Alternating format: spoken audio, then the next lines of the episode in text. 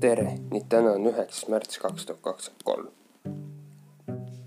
kuna minu kogemusi te enam-vähem teate, siis jah, ma võtan järgmised lood, mis ma olen leidnud Eesti lugudest muidugi. järgmine Eesti lugu. hiljem võtame ka Jaapani folkloori natuke edasi. mul jäi see asi pooleli. aga jah, kõigepealt Eesti lood ennem kui ma lugude juurde jõuan, mainiks ära, et kümnes märts on sünnipäev mul. ehk siis tähendab homme. ma sündisin kümnendal märtsil aasta kaks tuhat. ehk siis see on kahekümne kolmas sünnipäev. see on kahekümne kolme aastaseks. jah. nüüd lähme lugude juurde. päriselu õudusjutt loo pealkirjaks Kirik, mida pole olemas.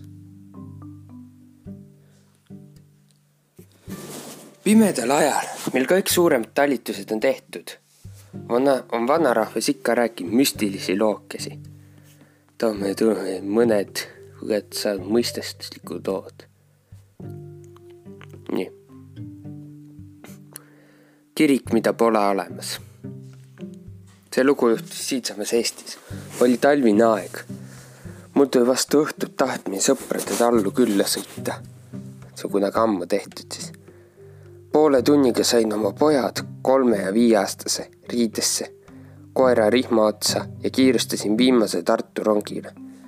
sealt teise rongiga edasi väikesesse jaama. jaamast veel kaksteist kilomeetrit jala edasi, mis tähendas kaht tundi kiiret kõndimist kohale jõudes oli ilm selge ja tuulevaikne. milline ilu. mul ei tulnud mõttessegi, midagi halba võiks juhtuda. teed tundsin hästi. möödunud aastal olin seal mõlemat pidi läbi traalinud. eksida polnud võimalik, sest üks teerada vaid oligi. panin lapsed kelgule, endale väikesed suusad alla ja edasi. nii edasi, hakkas hämarduma, kuu tuli välja. ilus oli lapsed olid vaimustuses. mina ka, seiklus missugune. umbes tunni aja pärast oli taamal tulukest näha, kuigi ei oleks pidanud. imestasin, kuid läksime edasi. tee äärde jäi mingi kummaline põld. tee aga oleks pidanud minema metsade ja küngaste vahet nägin välja taga mingisugust elamut, akendest särasid tuled korstnast tuli suitsu, mis kuupaistel hõbedaselt telkis.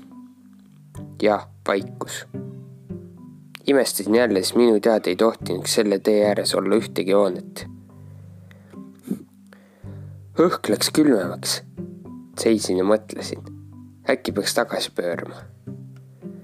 miskipärast tekitas see mõte minus hirmu ja tekkis tunne, et toimub midagi ebareaalset. ja siis kuulsin huntide ulgumist. pagan, olen ise jahil käinud ja tunnen kõiki neid metsaelukaid. hunt ei tohiks siinkandis juba kolmkümmend aastat olla, aga uluvad ikkagi mitmekesi, karjas. kuid sealjuures minu koer paanikasse ei läinud. ainult kõrvad ajas rohkem kikki julgustasin poisse, rääkisin neile naljakaid lugusid ning pärast käänakut tardusin üllatusest. vasakul pool teed kõrgus hiigelsuur poollagunenud kirik. selle kõrval kalmistu, kust need veel elli ilmusid. astusime lähemale ja mitte niisama suur kirik, vaid katedraal. teravkaartega aknad nagu Kooti kirikutel, kuid aknaklaasideta. keerukad kivist raiutud aknavõrestiku kuu peegeldumas purunenud vitraažide. Hämmastas mind aga torn, mis polnud ei kooti ega õigeusu stiilis. väga kõrge ja kupliga ehitis. kuppel ise oli lagunenud. läbi paljaste sarikate paistis tähistaevas. kiriku taga kasvasid kõrged puud ja olid näha mingid hauasambad, mis ei jätnud kahtlustki, et seal asus surnuaed mind pani imestama, et seal oli kuidagi vähe lund, ainult kerge kiht, kuid tee ääres peaaegu meetri jagu. See kõik nägi nii huvitav ja ebatavaline välja, ilus isegi lagunenuna. eriti torn. üleni valge kaetud kuu heidetud mustlasvalge varjumustriga. poisid ronisid kelgu pealt maha ja astusid teelt kõrvale selge sooviga varemetesse kolama minna. siis hakkas koer haukuma ja urisema. võttis väiksema pojal hammastega kompensatsioonist kinni. Mida? mis hääl see just oli? nüüd tuli mulle kellu sisse, nagu oleksin unest ärganud. tõstsin poisi kelgule tuhat nelja minema. kännakuni jõudes vaatasin veel tagasi. muinasjutuline vaatepilt. ma ei unusta seda kunagi. ja pojad mäletavad seda ka väga hästi. sellest on viisteist aastat möödas. siis jõudsime kännaku taha ja kõik kadus. Nii töötasime edasi. ma ei kahelnud enam, et oleme eksinud. sama teed tagasi minna ka ei tahtnud. pressisime kangekaelselt edasi. otsisin kas või ainsat tuttavat märke maastikul, kas või mõni suur kivi, tuttav puu, teekäänak. ei, kõik oli võõras. peatasin väikeseks hingetõmbeks, sest olime juba üle kahe tunni teel olnud. Võtsin võileivad, termose, pahvlid sõime, rääkisime sellest ja teisest. äkki küsib Paul minu käest.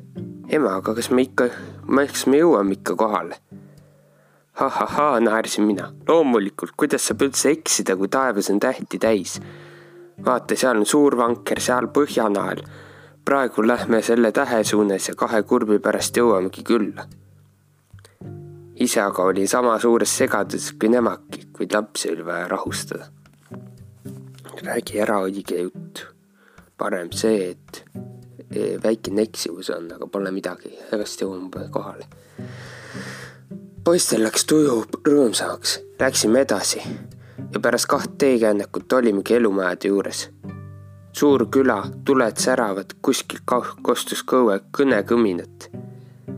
Mina imestasin, lapsed rõõmustasid, koer, koer liputas saba kümne minuti pärast koputasime esimese maja uksele. peremees tuli ukse ja silmad imestus suured, kuskohast meie siia tulime ja veel keset südaööd. meid kutsuti tuppa, saime sooja ja väike sein ning kuuri alt taeti auto välja, meid õigesse tallu viia.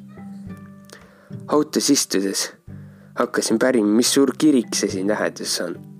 Papp ei saanud aru, mis kirik, siin pole mingit kirikut, lähim kirik on Tartus poisid hakkasid nagu ühes suus seletama, suured aknad, valged seinad, surnuaed kõrval. papi muutus seepeale närviliseks. jutt, jutt jäi nii, et kõik võib olla. ju teil ei näis nii. edasi pärima enam ei hakanud, sest olime talle juba niigi imeliku mulje jätnud. kell üks öösel jõudsin viimaks kohale sain oma hilise tuleku pärast muidugi hurjutada, kui mitte ka väga ja kõik lõppes siiski hästi hiljem püüdsime mitu korda kohalikelt elanikelt maha jäetud kiriku kohta küsida. mitte keegi polnud seda näinud. püüdsin teed, mida mööda me külla jõudsime hiljem üles leida, kuid tulutult. ning ajaga oli arusaamatud lood. minu kella järgi läks meil aega natuke üle kahe tunni. ära külmetada me ennast ei jõudnud. Viimase rongi meie kohale jõudmise vahele kell üks öösel jäi peaaegu kuus tundi jep, lihtsalt juhtus selline asi, et jah, sattusid aegruumi kõverdusse, aegruumi kõverdumise kohta. aeg moondus neil. Neil endil kulus kaks tundi, aga tegelikult kulus kuus tundi. jah ja sattusid mitte ainult aegruumi kõverdus, sattusid kohta, kus ruum muutus, sattusid mingisuguse portaali värki moodi kohta, sattusid hoopis teisse kohta, hetkeks teisse ajastusse, teisse maailma, kus seal oli kirik seal koha peal. ja pärast tulid välja ja olid tagasi oma maailmas, kui metsast välja said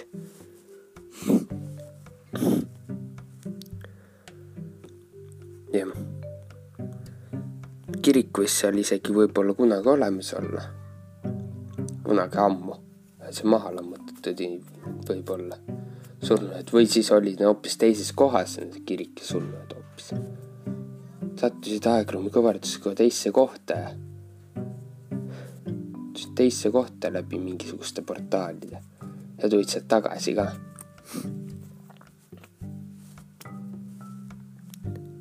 Irina Verina rääkis, ütleb niimoodi, seletab niimoodi seda juttu.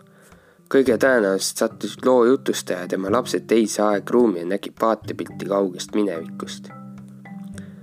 Arvatakse, et energiainformatsiooniline väli sarnaneb kihilise kangaga. iga kiht on üks ajastu. erilistes tingimustes kõige sagedamini talveõhtutel, kui päikese elektromagnetiline mõju antud piirkonnale kõige väiksem, muutub maailma materiaalne osa hapraks ja läbipaistvaks. siis õnnestub neil kang-, meil nende kanga lõimede vahelt läbi pugeda ja näha fragmenti minevikust või tulevikust. Kui koera ärevast käitumisest järeldusi teha, siis oli lagunenud kirik fantoom. see tähendab energeetiline, mitte materiaalne kujutis ja selle lähedale minek oleks võinud lapsi ohustada. väga harvadel juhtudel võib üleminek minevikku või tulevikku olla täielik. inimene läheb üleni teisse reaalsusesse või teisse aega. füüsilisi vigastusi ei saa keegi. ümbruses viibivad kassid ja koerad isegi ei reageeri uue reaalsuse ilmumise kuidagi. see on ju ka materiaalne igaveseks minevikku tulevikku jääda pole võimalik. naasete niipea, kui elektromagnetväli normaliseerub. selline jutt siis. jah. nii. kommentaarid ka, jah. normaalsed. Ja üks ütleb, et ta ei usu seda, et mingi telepordi värk sõltub päikeseenergiast. teine ütleb seda, et teleportist midagi seos päikesevalguse puudumisega mingis mõttes isegi pisut loogiline. kvantmehaanika ütleb, et osakeste põrge footoniga kutsub esile lainefunktsiooni kollapsi. see tähendab eelnevat ajas ja ruumis laiali valgunud osakeste laine võtab konkreetsema kuju. Nagu näiteks peegelduv footon edasi trajektoori järgi. jah see, kas Kris soovitab väljur, kes seal koha, kohas oli kaugel minevikus kirik. ma ei usu, et sellist asja saab välja uurida sellises kohas. ilmselt pole seal dokumente kellelgi, neid dokumente selle kohta enam alles. Aga ju siis oli seal kohas kirik või siis satuti teisse kohta täiesti. jah skeptik, mingi kristlusvektik ütleb, ma siis sellest arvan, mitmekesi minnakse hulluks, kaasa arvatud koer, see pole loogiline. kolmeaastane võib ükskõik muinasjutte hiljem rääkida. huvitav, kuhu nad siis lõpuks jõudsid, kus neid autoga õige talu juurde viidi, ehk kui suured vahemaad. Kõik võib olla, aga peale kirik kirjeldus on kõiki muid fakte millegipärast väga vähe puudutud. meenutab pigem ilukirjandust kui päriselus juhtunut kommentaaris minevikku sattumine samuti natuke kahtlane. jah, võib näha pilte minevikust, miraaž, kui minevikku sattuda. Hmm, tekitab liiga palju küsimusi, mis näiteks saab, kui autor oleks selle mineviku sulgunud hundi maha lasknud. sellist asja ei saa olla, kuna sel ajal, kui mineviku hunt elas, polnud autor veel sündinudki. parem, parem näide vastuolust on võib-olla see, kui teeks minevikus midagi sellist, mis enda sünni ära ajab, see on see paradoks äh,. ma ei mäleta, mis ta nimi oli. mis see nimi oli, see oli üks paradoks, kui. füüsikaline paradoks, kui sa teed midagi sellist, mis hoiab ära su sünni, sünni. ja siis on kaks võimalust, mis juhtub, kas sa kaotad kogu oma minevikku. number üks, sa ei saa tagasi tulevikku liikuda enam. või siis haihtud. See paradoks, ehk siis sina kaod ära. Ja kõik ja need samamoodi, kes tulid temast, temast tekkisid, ehk siis tuleviku sündmuste jagada, jada muutub. Iga teise võimaluse korral, esimese võimaluse korral ei pruugi muutuda, aga võib muutuda. ei pruugi muutuda muu kui vaid see, mineviku see, kelle sa ära tapid, see enam ei saa teha oma asju. jah, sellist asja ei saa olla, kuna sel ajal mineviku hunt alles polnud autole sündi. parem neile vastu võib-olla see, et kui teeks minevikus midagi sellist, mis enda sünni ära ajab. inimene, keda pole kunagi olemas olnud, võib ometi midagi teha. oleks, et kui selle peale juhe kokku mingit tõde otsis, pigem usuks juba seda, et pisikesed rohelised meikesed röövisid ja kustutasid selle fakti mälust, kui panid kogemata pisut vale mälestuse asemele. see võiks seletada ka autori kella ja maa aja erinevuse Taab kirjutab üks võimalik seletuseks järgmine palju on inimesi, kes elavad mingis unistuste ja fantaasiad ja usus mingil ajal ennast tunnustama, fantaseerinud neiu hakkab hiljem seal meeles lootust pidama tegelikult aset leidnud sündmuseks järjekordne kummituslugu ongi valmis. sama võib tabada ka kunagise elava ja kummalise unene või pigem pidev ajus läbikäimine. kümne aasta pärast võib inimene olla juba segadus, kas see oli uni või hoopis fantaasia või tegelikkus. Ja viieteist aasta pärast on ju põnev tunnistada, et sa leidis tegelikult siiski aset. Hmm.. kirjutan nii. digiteaduslikes doktriinis on olnud juttu ajarännakutest kuulus teadus Stephen Hawking on öelnud, et aegruum palju minut dimensioonini. kui õnnestuks kuidagi liikuda ajas, siis päris kindlasti satutaks paralleeldimensiooni. see tähendab, pole võimalik tappa minevikus oma vanaisa. kui satub minevikku, siis paralleeldimensiooni minevikku. tapab paralleeldimensiooni vanaisa. jah, jah, siis ta Stephen Hawking väga, jep, M veel siin on veel mingi, veel kirjutab veel midagi. Vene televisiooni juttu räägib dokfilmi ebatavalisest juhtumist. Venemaal on päris palju piirkondi, kus kaks dimensiooni kohtuvad. näiteks mees kõnnib sügisõhtul oma koduküla lähedal metsas, satub äkki hoopis teisse kohta, kus on teine aastaaeg ja on päev. astub paar sammu tagasi ja on jälle omas metsas. jutt on kontrollitud ja peab paika, suurt juttu sellest pole tehtud, siis osata tõendada, tõestada dimensioonide olemasolu. või siis ei taheta. uhkemate olemasolu ka eitatakse. nüüd enam ei eitata, siis küll jah, kui see kirjutati. paar aastat tagasi tunnistas Ameerika Ühendriigid, et ufod on olemas. ja nendega on suheldud, nendega on kontakti saadud ometi on aastate jooksul päris palju faktist materjali kogunud hästi juttu, et sõjaväest tunnistaja nende poolt tehtud filmimaterjali. ilmselt on liiga palju mängust nii järjekord inimeste hambasse puhutakse venelased on väga ebausklik rahvas, igasugused müstilised nood nende igapäeval lahutanud komponenti. kui purjus vanka kõnnib läbi metsa koju, aga jõuab kaheteist tunni pärast hoopis naaberkülla, siis venelase jaoks tegu kindlasti paralleeldimensiooni vähemalt torsioon välja, et mis värk see, mis asi see veel on ja teleportatsiooniga. sellega vähem, kui ma ütlesin liiga ameerikalik. peab olema ikka ruski või noh, kontrollimisjutt on lihtsalt ajakirjandusest liialdus, samuti kantud venelast müstika lembus. jah. NB kirjutab mingit imelikku juttu siin. tahtis väita, et on viies, seitsmes, üheteistkümnes või muud selline dimensioon, mida me tajume, kus on oma maised tegemistega punktis X ning igas punktis X pluss N, kus N pole mitte täisarv, vaid läheneb nullile, on paralleelne maailm. jah, põhimõtteliselt võimalik, aga huvitav on asja juures siis see, et nendest paralleelsetest maailmadest peab oma vanaisa üldse leida. kui liigun kolmemõõtmelises ruumis mõnda koordinaati pidi, siis ei leia ju ei oma koera ega vana, koera ega vanaisa koopiat. okei okay,, neljandas dimensioonis. aeg, see on, see liik on küll pisut teistmoodi, ainult seal saab ainult edasi liikuda või peaaegu paigal olla, aga mitte tagasi minna kogemustest rääkida. omamoodi huvitav ka see, et meie tajutavatest dimensioonidest ajad liiguvad talupoja loogika järgi võiks ka teiste dimensioonide vahel liikuda, aga kuna energiajäävusseadus mõningate möödustega siiski kehtib, võib järeldada, et enamasti sellist liikumist mingil põhjusel ei toimu. samuti on huvitav, meie mõõtmed teistes dimensioonides on tõenäoliselt null. kui me seal eksisteeriks, siis nendes toimumist kuigi palju mõjutaks. samas meil endal ei õnnestu kuidagi laboris luua näiteks olukorda, kus keegi või miski kahemõõtmelises ruumis oma asju toimetab. Telekreenist kolmemeetrist projekti.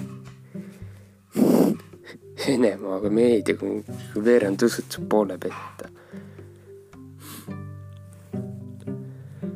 ma niisama, niisama kirjutan nii noh, naisi paneb peeglis, lapsed riidest, hermases kuuma jooki, võilub kaasa seda kõike poole tunniga paigutas nendesamuse kahe eelkooli siis lapsega talvel öösel kuhugi kaedis kiltis üle põllu marss.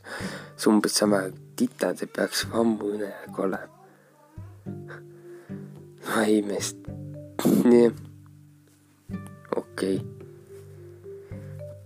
okay. üks ütleb, et ta on kuulnud analoogset juttu mingisuguse külakõrtsiga. nüüd see linnalegend sa igal juhul satud minevikku, aga seal neid inimesed kõrtsi kaugel või marssisid sisse ja sõid ka head paremat. teinekord tahtsid tagasi minna, aga maja ei olnud enam. Polegi kunagi olemas olnud. üks ütleb, et ta paps teeb rääkida igasugu põnevaid asju.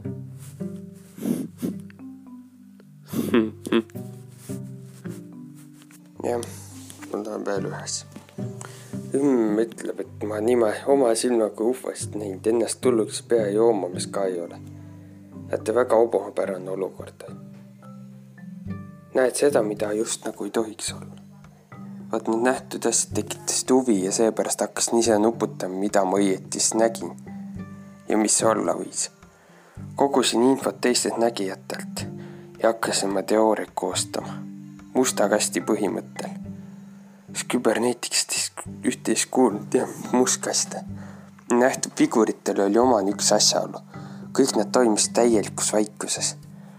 näiteks nägin aastaid tagasi, kuidas üks umbes mõnisaja meetri kaugust liikus metsa tagant välja suur ümmargune objekt, punased tuled ringi paigutatud. no kuidas on võimalik, et mitte ühtegi heli polnud? nojah, hilja õhtul see juhtus ja tunnistajaid polnud aga selleks, kuna olen õppinud raadiotehnikat ja olen kogu aeg sellel alal töötanud, siis mulle, mulle selgub sellist mõiste nagu ristmodulatsioon ja ebalineaarmoonutused vastuvõtjasisendis. lühidalt. näiteks kui viletsa vastuvõtjaga liiga lähedal mõnele ringhäälingu saatjale, siis kuuled seda saatjat ka teiste sagedustel, kus seda saatjat tegelikult ei ole no vaat, mina arvan, et ufodega see umbes sama asi, ufod tegelikult olemas ajas, omas dimensioonis, kui me näeme neid meie ajas ja meie dimensioonis, sest mingil põhjusel on aeg-ruumiga.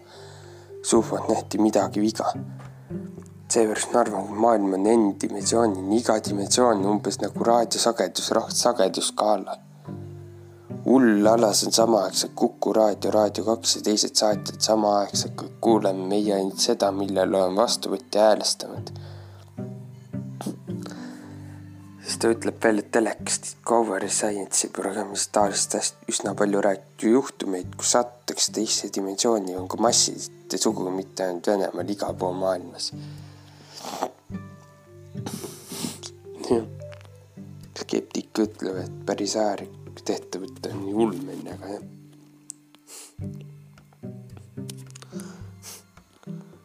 ikka ei leia no see lugu üles, nii see läbi lõpeb. tšau.